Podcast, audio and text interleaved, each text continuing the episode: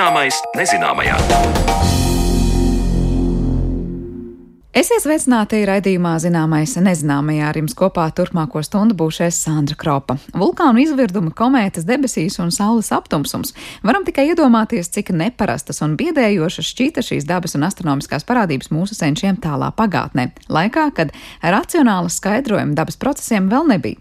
Kāda bija saules loma cilvēka dzīvē un pasaules uztverē un kā skaidroja dažādos dabas procesus, par to šodien runāsim stundas otrajā pusē, bet līdz tam uzzināsim, cik liels ir patiesības grauds dažādos mītos un pasakās. Neviens vien nostāsts vai teika par kādu vēsturisku notikumu vai vietu šķiet nu tik ticams, ka neviļus gribas ticēt tam kā patiesībai.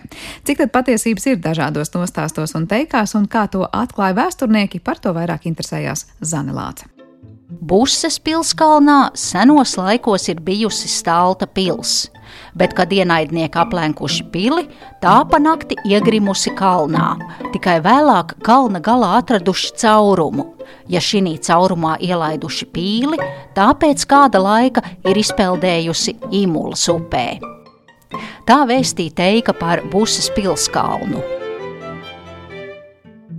Pils pagrabos apslēpti dārgumi vai nogrimuši kopā ar ēku, slepenas ejas un spoki kungu namos. Šie sižeti bieži sastopami gan senākā tautas mutvārdu daļradē, gan ir dzīvi vēl mūsdienās.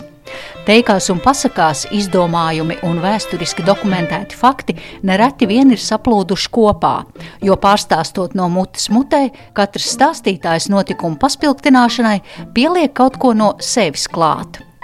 Turpmākajās minūtēs kopā ar vēsturnieku, Vidzemes augstskolas rektoru un asociēto profesoru Gati Krūmiņu raudzīsim, kur latviešu tautas teikās un pasakās ir zili zaļi brīnumi un kur balta patiesība bija ļoti labvēlīga vide. Piemēram, 19. gadsimts, arī agrāki gadsimti, kad teiks radās. Pēc, ka, nu, kas šīs teiks radīja? Viņi radīja mūsu senči, kuri lielākoties bija zemnieki, Un e, viņiem bija nu, labvēlīga vide vienam ar otru sarunāties, un arī dažas lietas izdomāt, vai interpretēt, vai arī improvizēt. Jo nu, viņiem jau nav ne mobilē telefoni, ne televizori, pat radio nav, un pat grāmatas ierobežotā skaitā tādā pustumsā, ja mēs skatāmies. Un tad viņi savā starpā sarunājās. Un tad ir tā, ka nu, vajag kaut kā uzturēt sarunu. Un tad mums ir arī, arī kā mūsdienās, ir tādi cilvēki stāstnieki, kuri tad arī kaut kādā veidā interpretē. Tā kā tā pirmā lieta noteikti ir tā labvēlīgā vide. Tādām lietām, ka rodās teiks. Gati runājot par teiku un pasaku sižetiem, ir skaidrs, ka, piemēram, par to, kā upes vai ezeri cēlušies, ka tā ir pilnīga autora fantāzija. Bet, ja mēs skatāmies uz stāstiem par nogrimušām pilīm vai dārgumiem, tur taču varētu būt kāds patiesības grauds. Diezgan lielā daļā gadījumu ir tā, ka mēs varam kaut kādas paralēlas ar kaut ko savilkt, vai nu ar vēsturiskiem notikumiem, vai ar kādu vietu. Ja man jāmin būtu kāds konkrēts piemērs, tad es uzreiz vienu varētu minēt par tādām teikām un pazudušām ēkām, kas ir bijušas, teiksim, ir nogrimušās baznīcas teika Lēdurgā, nu tas ir pagasts, kurā es dzīvoju.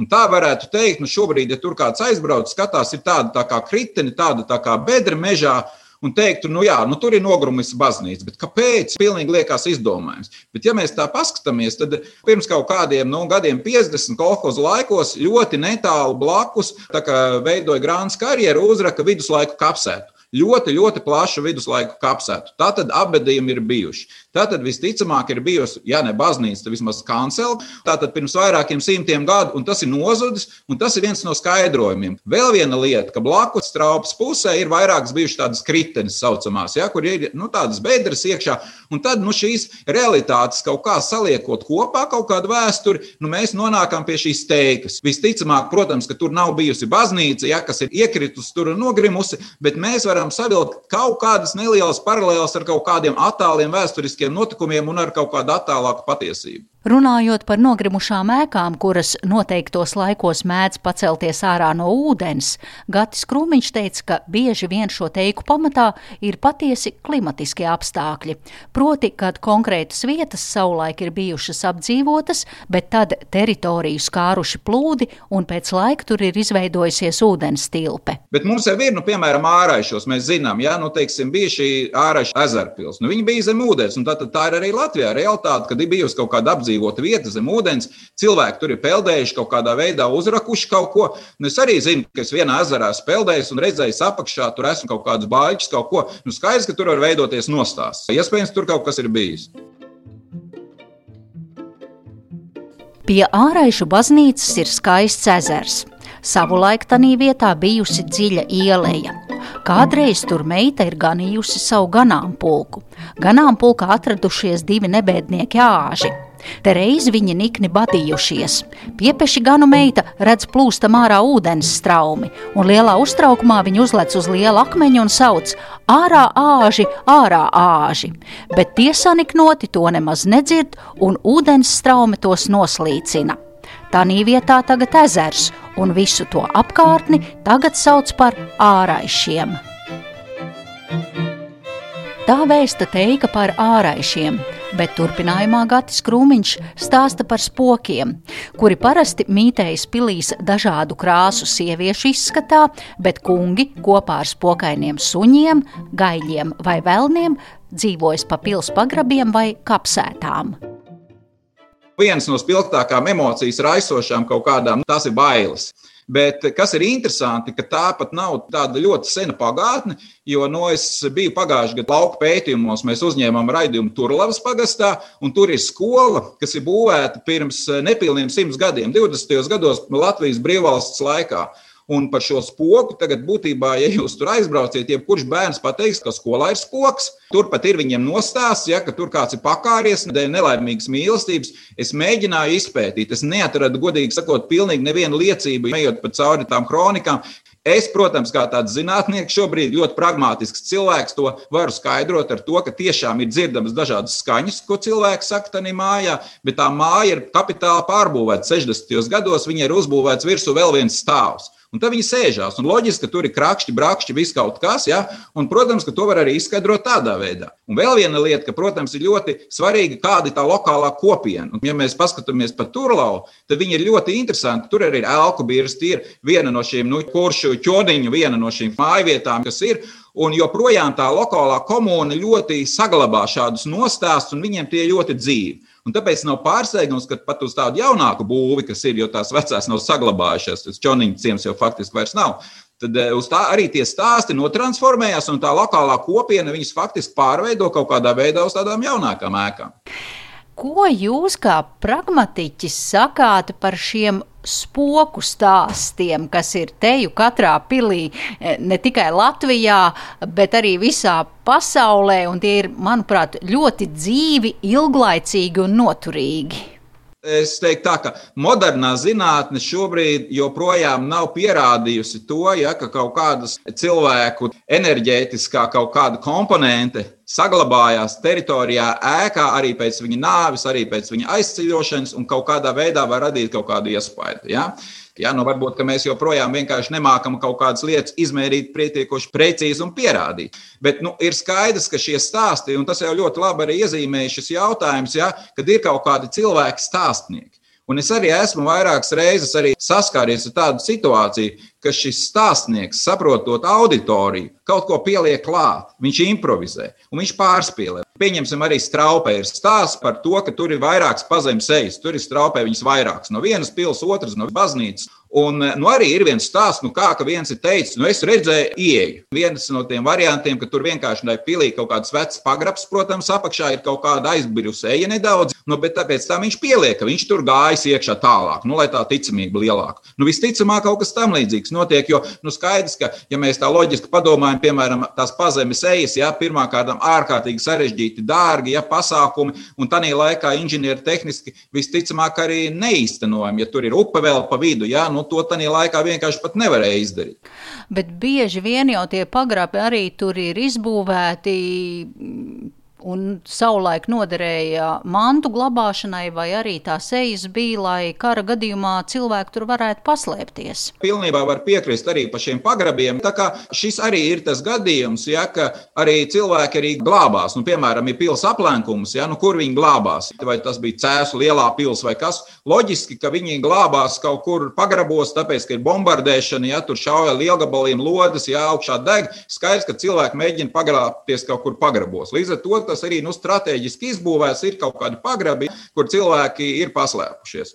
Bet jautājums tiešām ir par šo mērogu. Ja? Un, ja mēs skatāmies, tad arī es domāju, ka tajā strateģiskajās pilīs tiešām šāda slepena sejas, lai tu varētu tikt ārā vai ziņnesis vai kaut ko piegādāt, pilnīgi noteikti bija, un to arī, arī apstiprina fakti. Bet, ja mēs skatāmies tomēr tādas mazākas strateģiskas nozīmes objektus, ja, tad, ja, nu, protams, ja, tur ir nu, lielākajā daļā gadījumu nekas tāds nekad nav bijis. Bet nu, cilvēkiem patīk, nu, cilvēkiem ir šī šī radošā domāšana, ja, nu, tas ir pilnīgi tā normāli, nu, ka cilvēki kaut ko izdomā, pieliek kaut ko klāt, nu, arī viena daļa tam notic. Nu, tā ir daļa no šīs folkloras. Tāpat kā mums ir tautas dziesmas, tāpat mums ir šīs teikas, un daļā no viņiem, es domāju, kaut kādu patiesības graudu mēs varam atrast, bet, nu, visticamāk, tie ir pārspīlējumi. Bet kā ir ar šiem stāstniekiem mūsdienās? Kā jums šķiet, cik noturīga ir šī tradīcija? Tā tautas mutvārdu daļrada, ka tas stāsts pāriet eh, no mutes mutē. Diemžēl tas ir mazinājies, tāpēc, ka mums vairs nav tie apstākļi nu, tik labvēlīgi. Mēs esam ļoti savu tādu radošo potenciālu nomākuši ar tām digitālām ierīcēm, ar savu brīvā laika pavadīšanas paradumiem. Un, tā, mēs vakaros savācamies, pirmām kārtām vairs nav tā, ka vienā lielā istabā dzīvo 11 cilvēki, kā tas bija agrāk. Un, un, teiksim, un tad varēja veidoties šāda improvizācijas stāsts. Ir viens stāstnieks, pārējie klausās. Tie apstākļi ir savādāk. Un tad mēs skatāmies televizoru, mēs lasām grāmatas, mēs esam daudz pasīvāk. Mēs daudz vairāk nomācam to radošo potenciālu. Bet joprojām es domāju, ka ir, ka cilvēki joprojām ir gatavi kaut ko izdomāt, pārspīlēt kaut kādā veidā, ja, nu, tā ir daļa no folkloras, jo nu, mēs joprojām esam cilvēciskas būtnes, jau mēs esam radoši, tā ir daļa no tā. tā kā, tas ir varbūt mazāk, bet joprojām dzīves. Kas gan būtu pasaule bez pasaku teicējiem un sacerētājiem? Par laimi, mēs cilvēki neesam tikai racionālas būtnes, bet ļaujam ticēt brīnumiem, ilūzijām, tādējādi bagātinot savu fantāziju pasauli. Par vēstures teiku atmaskošanu un patiesības meklējumiem nostāstos un leģendās Zanē Lācei stāstīja vēsturnieks Gatis Krūmiņš, bet raidījuma turpinājumā pievēršamies tam, kā dabas un astronomiskās parādības skaidroja laikos, kad zinātne par to vēl klusēja.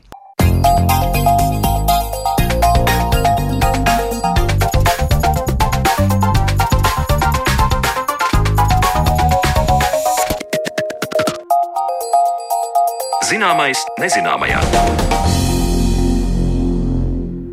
Mūsdienu zinātne ļauj mums rast racionālu un fizikas likumos balstītu skaidrojumu dažādām dabas un astronomiskām parādībām, taču cilvēks senatnē dabas un debesu parādībās meklēja simbolisko pielūgsmas objektu un brīdinājumu par gaidāmām briesmām. Kāda bija Saules, komētu, ziemeļblāzmu un citu parādību nozīme cilvēces aizvēsturē, par to tad mēs šodien runāsim ar mūsu studijas viesi, vēsturnieku Latvijas Universitātes Latvijas vēstures institūta vadošo pētnieku Gunti Zemīti. Labdien! Labdien! Prieks jūs šeit redzēt! Redzēt, un es saprotu, ka jūs esat padziļināti pētījis šo tematu, aplūkojot vēstures avotus ne tikai par Latvijas teritoriju, bet arī plašāk. Vai tiesa, ko jūs esat pētījis šajā kontekstā? ko es esmu pētījis? Nu, es eh, kaut kādā agrāk biju pievērsies tādām lietām kā simbolikai.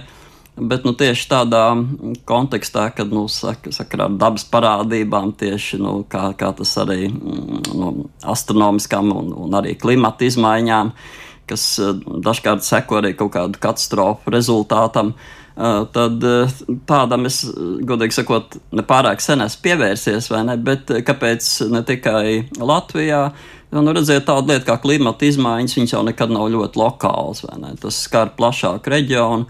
Un, protams, kad nu, Latviju mēs nevaram izraut no Ziemeļa Eiropas. Jā, tas ir. Un, un arī visas šīs parādības ir kopā, ir, ir tik plašas, ka runāt par vienu konkrētu Latviju vai vienu konkrētu etnosu nu, praktiski neiespējami. Var teikt, mēs ļoti līdzīgi domājam un uztveram šīs lietas. Ziniet, jā, tas man pat kaut kur pārsteidz. Redziet, mēs jau parasti nekad tādas paralēlas tieši nevelkam, bet, um, nu, ja mēs skatāmies, teiksim, sauli, jā, sauli, kas mums ir šobrīd arī tas aktuālais jautājums, vai ne? Un uh, saulgriežu, saulgriežu laikā, vai ne, tad, uh, nu, visi jau mēs iedomājamies uzreiz seno Eģipti, vai ne? Senā Eģipte, kur ir um, saules pielūgsme, kur saule ir dievs, vai ne? Amons, Atons, uh, Rā. Jā, vienalga, kāds arī nebūtu, vai ne? Tā tad saules disks, kāds ehnotona laikā, vai ne? Tā tad atonu, atonu kults. Bet arī visām, nu, pārējām indoeiropiešu tautām faktiski tas sol, saule, ja, tā tad ir, ir viens saknes vārds, ja, un um, varbūt, ka viņi bija personificēts dievs kaut kam, kaut kādās tautās, kaut kādās etniskās grupās, uh, varbūt arī nebija, bet katrā ziņā bez ievērības viņi nepalika, tas bija tas, nu, centrālais, centrālais uh, dievišķais elements, dzīvības devējs, no kā viss bija atkarīgs un kam, kam ļoti sekoja. Un šeit mēs tiešām varam redzēt, nu, tā jau tā padomājam, tādas apbrīnojamas paralēles, vai ne, teiksim, arī, arī teiksim, Latvijas bronzas laikmetā, kur mums nav piramīda, bet mums ir kapu uzkalniņi, kas būtībā ir nu, apmēram tā pati ideja, ja, un ka šī ideja ir tik līdzīga nu, faktiski visā tajā pasaulē, kur mēs tā vairāk vai mazāk pazīstam.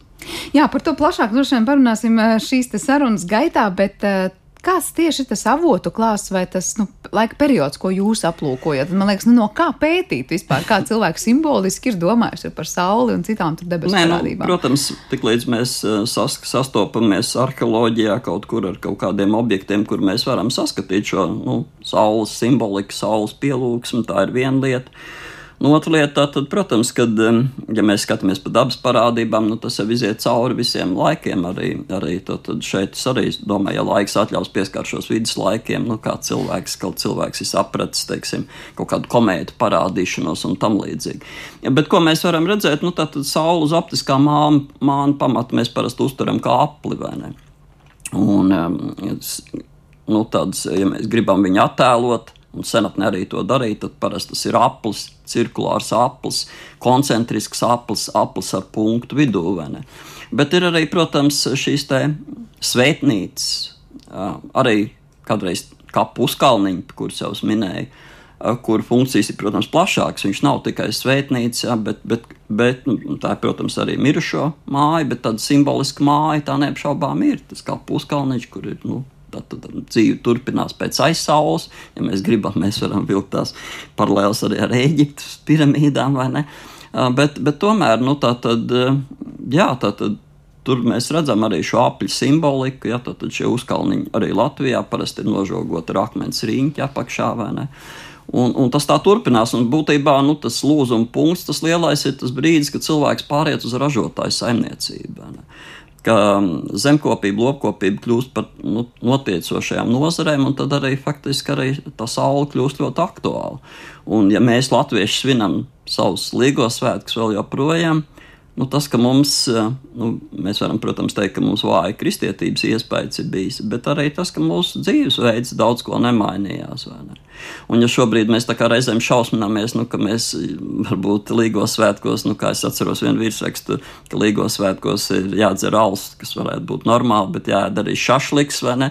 Uh, nu, nu, tas tā, jā, nu, savādāk. Uh, Bet mēs esam pilsētas bērni, vai ne? Nu, lielākoties šobrīd mums vairs nav tas zemkopības dzīvesveids tik svarīgs.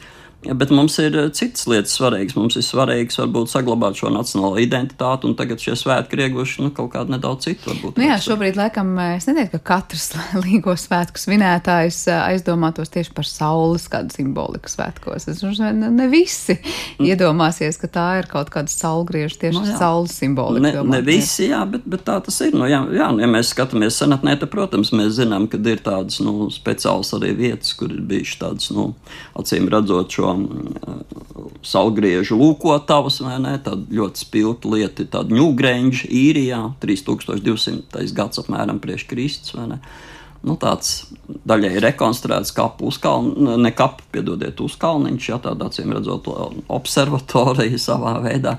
Kurā var arī ieiet un skatīties? Nu, tā tad, acīm redzot, tvērt to brīdi, kad, kad šī saule pagriežās. Nu, ziemas saule griež, vasaras saule griež, Uh, tur arī simbolika nu, savādāk, vai ne? Tāpat arī nu, Ziemeļā Eiropā skatāmies, tad ir arī tādi saules rati, vai ne? Tā tad simboliski arī Dānijā, Trunholmā, tātad 1400. gads priekš Kristus apmēram, kur ir nu, tāds simbolisks kulta pajūgs attēlots, kur ir zirgs, rati, divriteņi tādi, vai ne? Un milzīgs saules disks, kas ir zeltīts, vai ne? Tāds. Un, nu, zirga atušana. Nu, tad mēs varam iet tālāk, skatīties, kas mums, latviešiem, ir. Ja? Tad, tad, nu, kā mēs saucam lielo zvaigznāju debesīs, greizie rati, vai ne? Tad, tad tur ir tā rata simbolika. Zirgam ir īpaša loma arī. Zirgs kā saules vedējs, vai ne? Tad, tad, kas, kurš atved sauli, aizved sauli. Nu, tas gandrīz visām indoeiropiešu tautām ir. Nu, mans pieminētie šie kapu uzkalniņu bronzas laikmetā, kas parādās. Jā, tas, tas arī ir tāds nu, lielisks piemērs. Vai Bet vai saule nu, tajā simboliskā nozīmē bieži vien tika skatīta ar tādu tiešām nu, fundamentālu un kaut ko lielu un pielūdzamu, un arī ar to aizskapa dzīvi, mēs to saistām, vai tomēr arī ar kaut ko, kas nes postu, un pieņemsim kaut kādas tur karstuma, viļņas, vēlmes, sausums, vai cilvēki senatnē to saistīja kopā un bija kaut kā tāda bijība pret to? Nē, neapšaubām. Nu, varbūt mums šeit ziemē, ziemeļu puslodē, nu, ko mēs daudz tur varētu, varētu teikt par, um, par pārāk karstu sauli. Mēs tā kā, tā kā ļoti neuztraucamies, vai ne? Bet nu, kaut kur dienvidos tas neapšaubām, ka bija savādāk, vai ne? Bet tā mēs tā pamaz, pamazām esam nonākuši arī pie šīm te, tādām parādībām, ja, kur mēs varam runāt arī par kaut kādiem satricinājumiem, vai ne? Tātad, un sauli arī kā tas ziemeļos ir uztverts, nu, briesmīgi ir tad, ja saules nav vai ne. Un ir tāds viens runakmens, tātad veterāns ezers. Es domāju, ka es pareizi izrunāju to vārdu. Tas katrā ziņā ir Zviedrijas dienvidu daļā, kur ir nu, runakmens, ja, tātad, kas um, ir satura tekstu. Rūnakmens tad ir vēlāks, bet viņš, viņš vēst par to, ka nu, 9. gadsimtā tas rūnakmens ir celts, bet kad viņš raksta, ka pirms deviņām paudzēm ir bijusi saules nāve. Ja. Un eh, tas ir bieži vien arī minēts skandināvu folklorā, ka tiek pieminēta uh, lielā ziema, ja, tātad klimata izmaiņas, un kas visticamāk ir notikuši ap, nevis ap, bet 535. 536. gadā, un kas ir saistīts, acīm redzot, ar vulkānu izvirdumu Islandē, un ko faktiski izjūta nu, visā pasaulē. Tad, tad Eiropa arī bija augstuma periods, un sekoja arī, acīm redzot, epidēmijas. Nu, daudz kas mainījās tajā brīdī arī tur um, kļuva lielāks pieprasījums pēc sudraba un tam līdzīgi, bet tas jau ir cits jautājums. Bet, bet katrā ziņā tam pievērst uzmanību, un saules pazušana tas bija kaut, kaut kas briesmīgs, ne, neapšaubām. Jā, protams, es domāju, kaut kāda tāda notikums, kas eh, pēc tam atsauc ļoti daudz, es domāju, tautu folklorā kā, jā, kā, kā tā palicis, jā. Tas, ko jūs teicāt par tiem karstumu viļņiem, nu, vairāk uz dienvidiem, ja runājam, un kā saule tur uztvēra, es nezinu, vai tā ir sakritība, vai varbūt es nezinu par citām valodām, bet vairākās atkal dienvidu valodās saule ir vīriešu dzimtē, viņi nevar iedomāties, ka, piemēram, tādi grieķi, ka viņiem saule saka, nu, mums kā saule, vai tu pat kādu cilvēku redz, nu, tu man saulīte, ja? ka tur tas ir kaut kas spēcīgs, pat nu, ar, ar tādu mīļumu noteikti nesaistāms. Tur ir vērojams kaut kādas sakarības. Nu, es domāju, ka saule bija galvenais dievs, vai ne? Un senā cilvēka domāšanā, nu, dienvidos, tāpat Eģiptē, ne? Ir grūti iedomāties, ka galvenais dievs varētu būt, būt sieviete, acīm redzot. Nu, tas tā ir. Lai gan no eģiptiešiem nemaz arī tik, tik ļoti tādi maskulīni varbūt nebija, ka viņi arī ļāva arī sievietēm, faraoniem būt kādreiz. Bet, nu, neapšaubām, galvenais dievs tomēr bija, bija, bija vīrietis. Jā, par to, kā saule noteica dienas garumu, un ne tikai dienas garumu, bet arī gadsimts un gadu laikus un saulgriežu mēs jau mazliet ieskatījām, bet var teikt, ka nu, tā bija tāda nu, neatņemama ikdienas arī praktisko darbu sastāvdaļa, atskaites punkts šī saule. Nē, nu neapšaubām, nu, protams, ka nu, arī tas gadu dalījums sīkāk, nu, tad, tad um, pavasara iestāšanās, rudens iestāšanās. Nu, zemkopi dzīvesveidu jau ir grūti iedomāties, tāpat arī lopkopi kaut kā savādāk. Jums jāzina, ir, kurā brīdī sēt, kurā pļaut. Uh, nu, mēs jau šodien skatāmies 10. jūlijā debesīs vai ne, un, un skatāmies, vai, vai būs lie, nu, ielīs vai neielīs, jo tā ir gulētāja diena. Un um, lauku cilvēkiem jau tas, tas ir ļoti svarīgi, lai cik mums arī laukos nebūtu šobrīd modernas tehnikas pieejamas. Bet tomēr cilvēks, nu, nu tomēr zemnieks ir visā vismā atkarīgs no, no, no šiem klimata, nu, kāds viņš ir, nu, laika apstākļiem. Un tāpēc, ka, protams, ka tam, tam bija milzīgi, milzīgi vērība piegriezt. Ja mēs runājam par mazliet citiem debesu objektiem, ne tikai zvaigzni, saprotu, ka ne tikai Saule, saprotu, citas zvaigznes, zvaigznē arī komētas un pats ziemeļblāzma, un ir arī tādi interesanti aspekti, par kuriem parunāt, kā uztvēra un skaidroja tos senais cilvēks. Nu jā, protams, katra lieta, kas, kas kaut kādā veidā novirzījās no normas, tā tika uztverta ar kaut kādu ļoti lielu satraukumu. Un, protams, kad tiklīdz, tiklīdz parādījās nu, nu, kaut kas tāds, kas, kas, kas nebija paredzēts. Ne? Nu, mums pašiem ir Indriča kronika, arī tāds brīnišķīgs apraksts par dievu tiesu.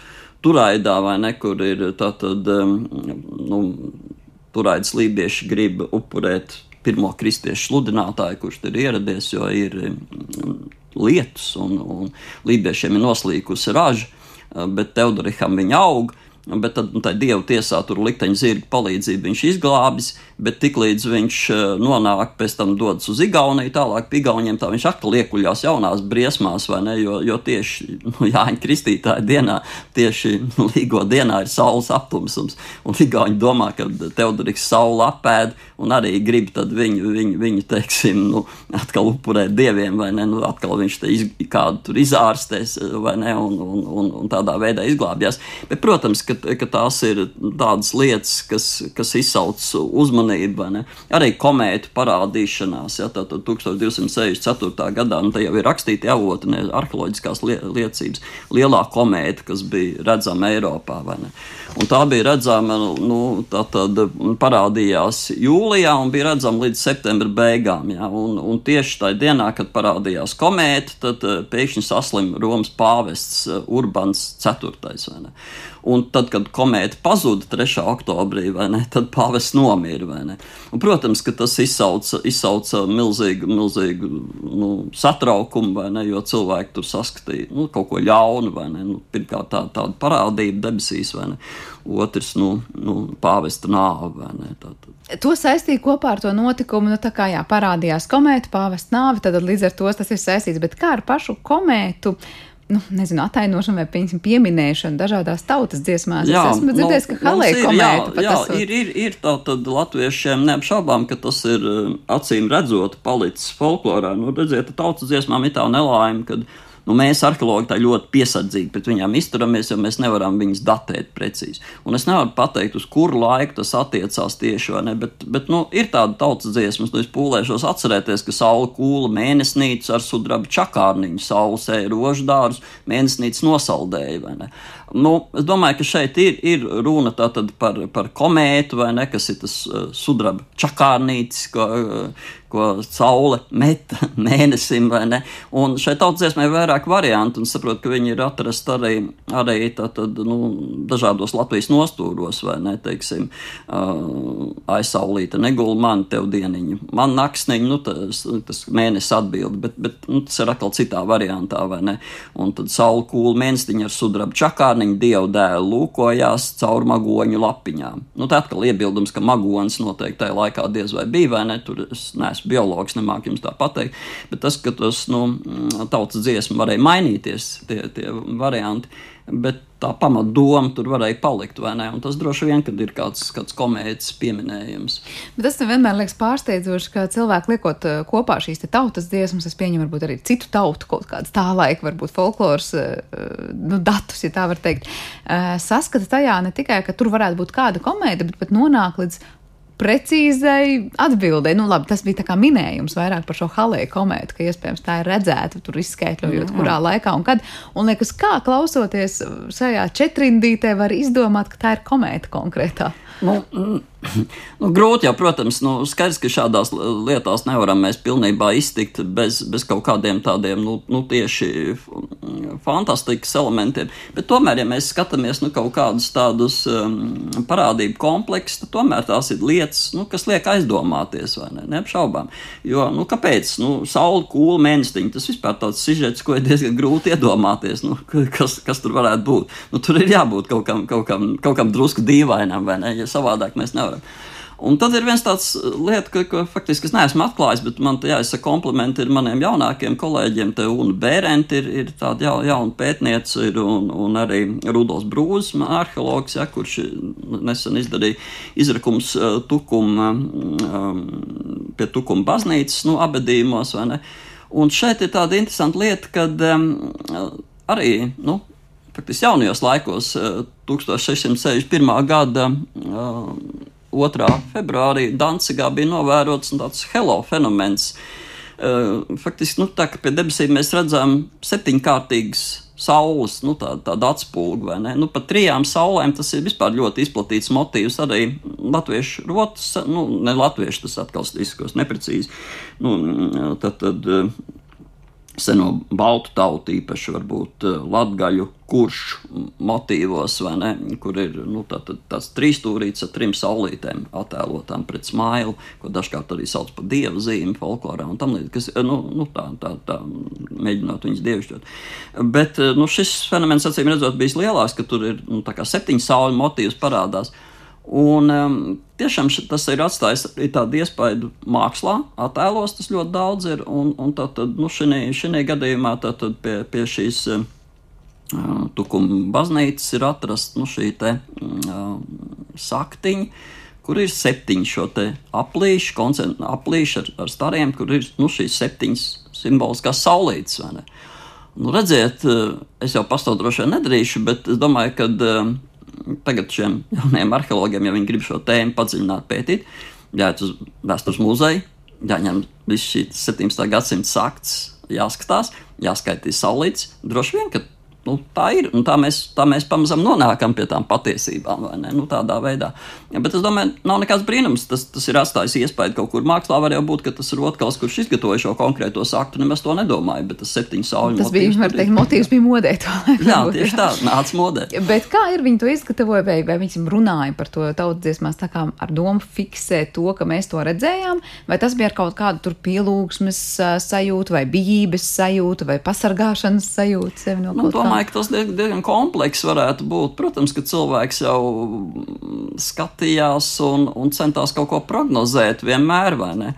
Nu, vēl jau viena ir uh, astronomiska parādība, kas šeit ir uh, mūsu platuma grādos arī novērojama šeit tad īpaši Ziemeļvidzemē, vai ne? Tas ir, nu, Ziemeļblāzma, ja, tad, tad kāvi, ko latvieši sauc, nu jau pats vārds kāvi, vai ne? Uh, man šeit ir ziņas, kuras var, var atrast, vai ne, nu, pierakstīts, nu, kas ir pēc, skatījos, pēc iespējas agrāk, nu, 1688. gads, 17. gads, vai ne.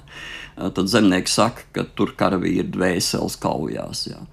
Un arī, ka tādos gadījumos būs savs laiks, vai ne un var izcelties karš, vai ne? Bet citi, nu, droši vien lībieši, kas pie jūras dzīvo, tie saka, ka būs laba reņģa zveja, vai ne?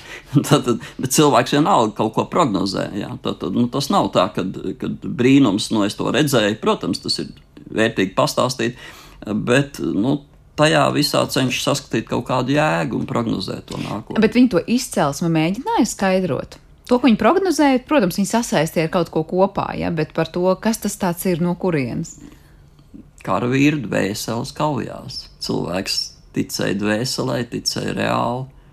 Nu, kaut kas tur tajā debesīs notiek, tās mirušo dvēseles. Ja, tad viņi nevis simboliski to saprata, jā, bet saprata, diezgan tieši. tieši. Jā, domāju, ka saprata tieši. Jā.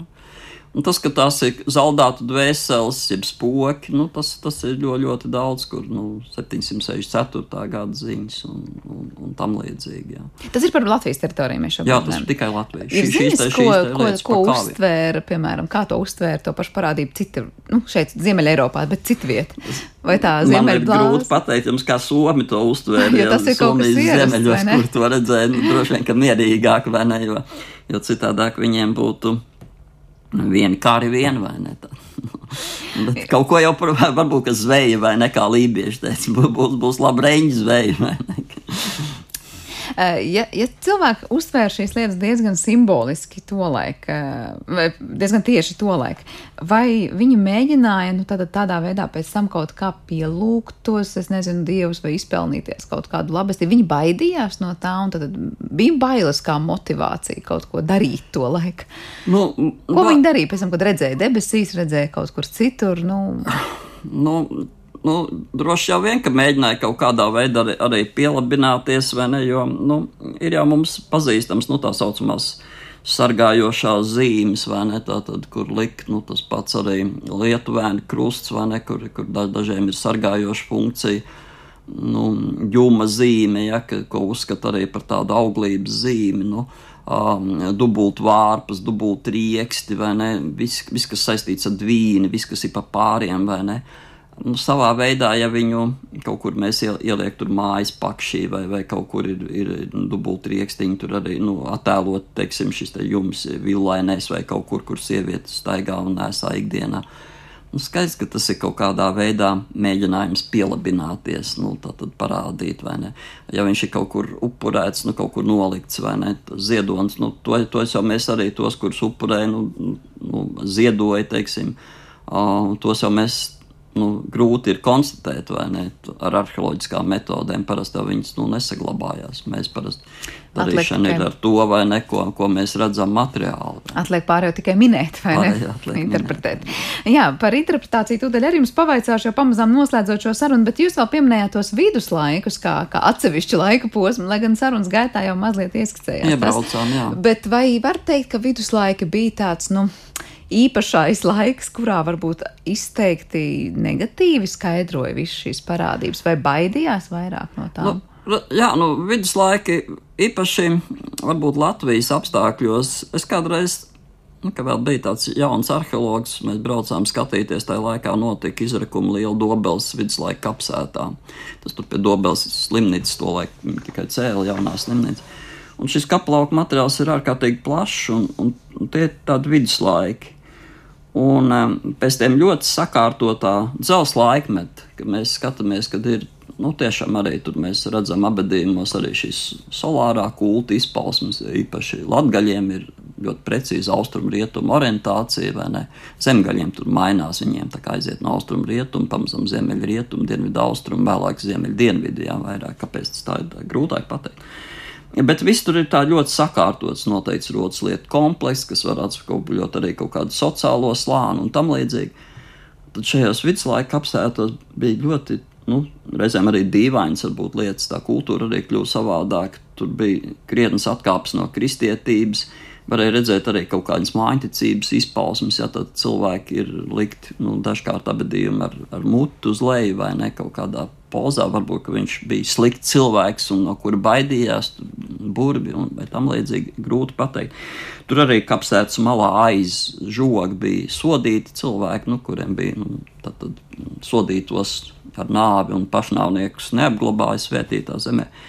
Bet man liekas, ka tas, tas lielākais ir tas, ka viena vērtības sistēma ir zudus, nu, tā kā tiek aiz, aiz, un to aizstāja citu, kas īsti vēl nav ienākusi. Un tad tas pavēr tādu, tādu plašu, plašu iespēju, iespēju mājiņticībai dažādi.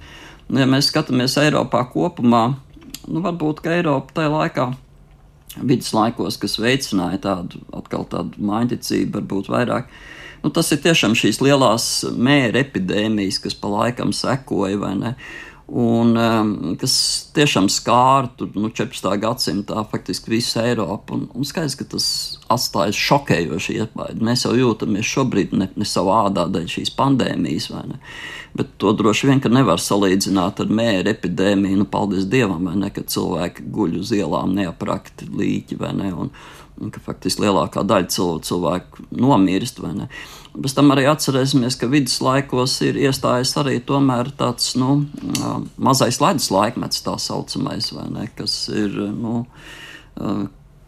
salīdzinoši bargāks klimats, ne, un no, no 1300. gada līdz 1450. gadam. Ne, kad vidējā temperatūra krītās nu, par kaut kādu 1,3, 1,4 grādiem. Un, um, nu, tas neapšaubām izsauc arī pārmaiņas. Nu, cilvēki tajā laikā arī Grenlandu pameta vai ne. Tur Fēru salas tur knapi turējās, kur kādreiz ne, vikingi bija apmetušies un, un tam līdzīgi. Uh, nu, Islandē vairs neaudzēja graudaugus, jā. Anglijā vīnogas pārstāja audzēt? Nu, tas, kas mainījās, vai ne?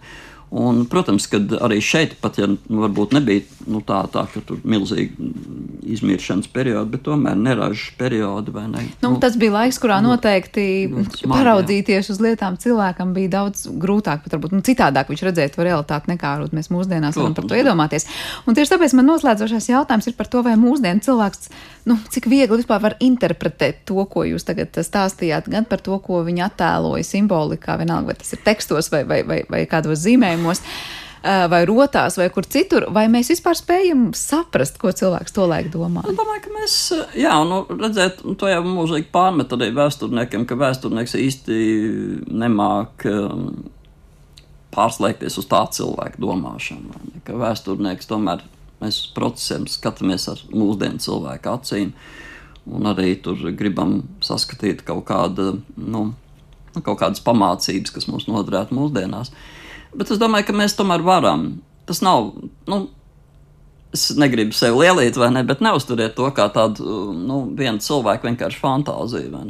Jo, protams, ja mēs skatāmies šo parādību kompleksu, ne, un kā jau es sacīju, nu, nu, tā saule ir tāds fenomens, kas, kas ir šajā laikā. Un, un tik daudzas lietas, un šīs sakritības ir tādas, vai ne. Nu, ka mēs to tā skatāmies, tad tā sajūta reizēm ir suģistējoša. Kad ierauga vai ne kaut ko ap, absolūti līdzīgu, labi, mums varbūt izteiksme līdzekļi ir savādāk, mums nav tur zelta, bronza vai ne, mm -hmm. tam līdzīgi. Mēs neceļam tādas piramīdas, bet ideja būtībā ir tā pati. Bet mums ir atkal brīnišķīgi šie raksti. Bet tas, ko jūs izinterpretējot, varat saprast, palīdz kaut ko jaunu saprast par cilvēku domāšanu kā tādu. Jo es domāju, nu, kāpēc mūsdienu cilvēkam ir būtiski pētīt šīs senās nu, lietas? Protams, ka nu, saprotot eh, senātu, mēs, protams, saprotam arī labāk sevi pašu, vai ne? Neapšaubām, vai ne? Un arī, arī nu, kaut vai kāpēc mums ir svarīgi šie, šie saule griežu svētki un tam līdzīgas lietas, vai ne? Um, nu, tā ir tā. Tās lietas, kas veido, veido šo mūsu faktiski identitāti, vai ne šī sapratne arī, arī par pagātni. Jo faktiski jau nu, tāpat kā šodien, arī senatnē, ne jau tikai tas ražošanas veids, ne jau tas veids, kā mēs piepildījām savu vēdru, vai mēs to darījām vairāk medījot un zvejojot ar medījumiem, teiksim, dzīvnieku, nobedītiem dzīvniekiem vai nozajotām zivīm, vai mēs to darām vairāk ar maizi, graudaugiem vai ne, ko mēs izaudzējam laukos, vai ne. Um, Neapšaubām, ka tomēr ļoti svarīgi bija arī gara pasaule. Tas, ko mēs saucam par kultūru, nu, tā ir neatņemama cilvēka dzīves sastāvdaļa. Un tā tāpat ir jāsaprot, kā viņi evolūcionēs un kā mainīsies. Un es domāju, ka tas nav maz svarīgāk, kā saprast šo ražošanas veidu, kas kas tur mainās. Bet... Ir tāds viens liels lūzums, vai ne? Un, un būtībā viss, bet šī gara pasaule turpinās attīstīties un bijis daudz dinamiskāka. Varat ielūkoties tās evolūcijā. Tieši tā, vairs. jā, tieši tā. Nu, ko liels paldies jums par šo sarunu un viesāt skaidrības, domāju, daudzos jautājumos, un ir ļoti interesanti palūkoties, kā visas šīs pašas dabas parādības, kuras vērojam, mēs savulaik ir redzējuši un sapratuši cilvēku šajā pašā teritorijā, kas dzīvo pilnīgi citos laikos, varbūt pilnīgi citādā ainavā, bet jā, daudz ko kopīgi varam atrast arī ar mūsdienām. Latvijas Universitātes Latvijas vēstures institūta vadošais pētnieks un vēsturnieks Gunts Zemīts šodien viesojas pie mums raidījuma studijā. Ar to arī šīs raidījums ir izskanējis un par to parūpējās producenta Paula Gulbinska. Skaņrežijā bija Kristīna Dēla par mūziku šai stundai gādāja ģirds bišu, bet ar jums kopā bija Sandra Kropa. Mēs tiekamies jau rīt. Visu labu!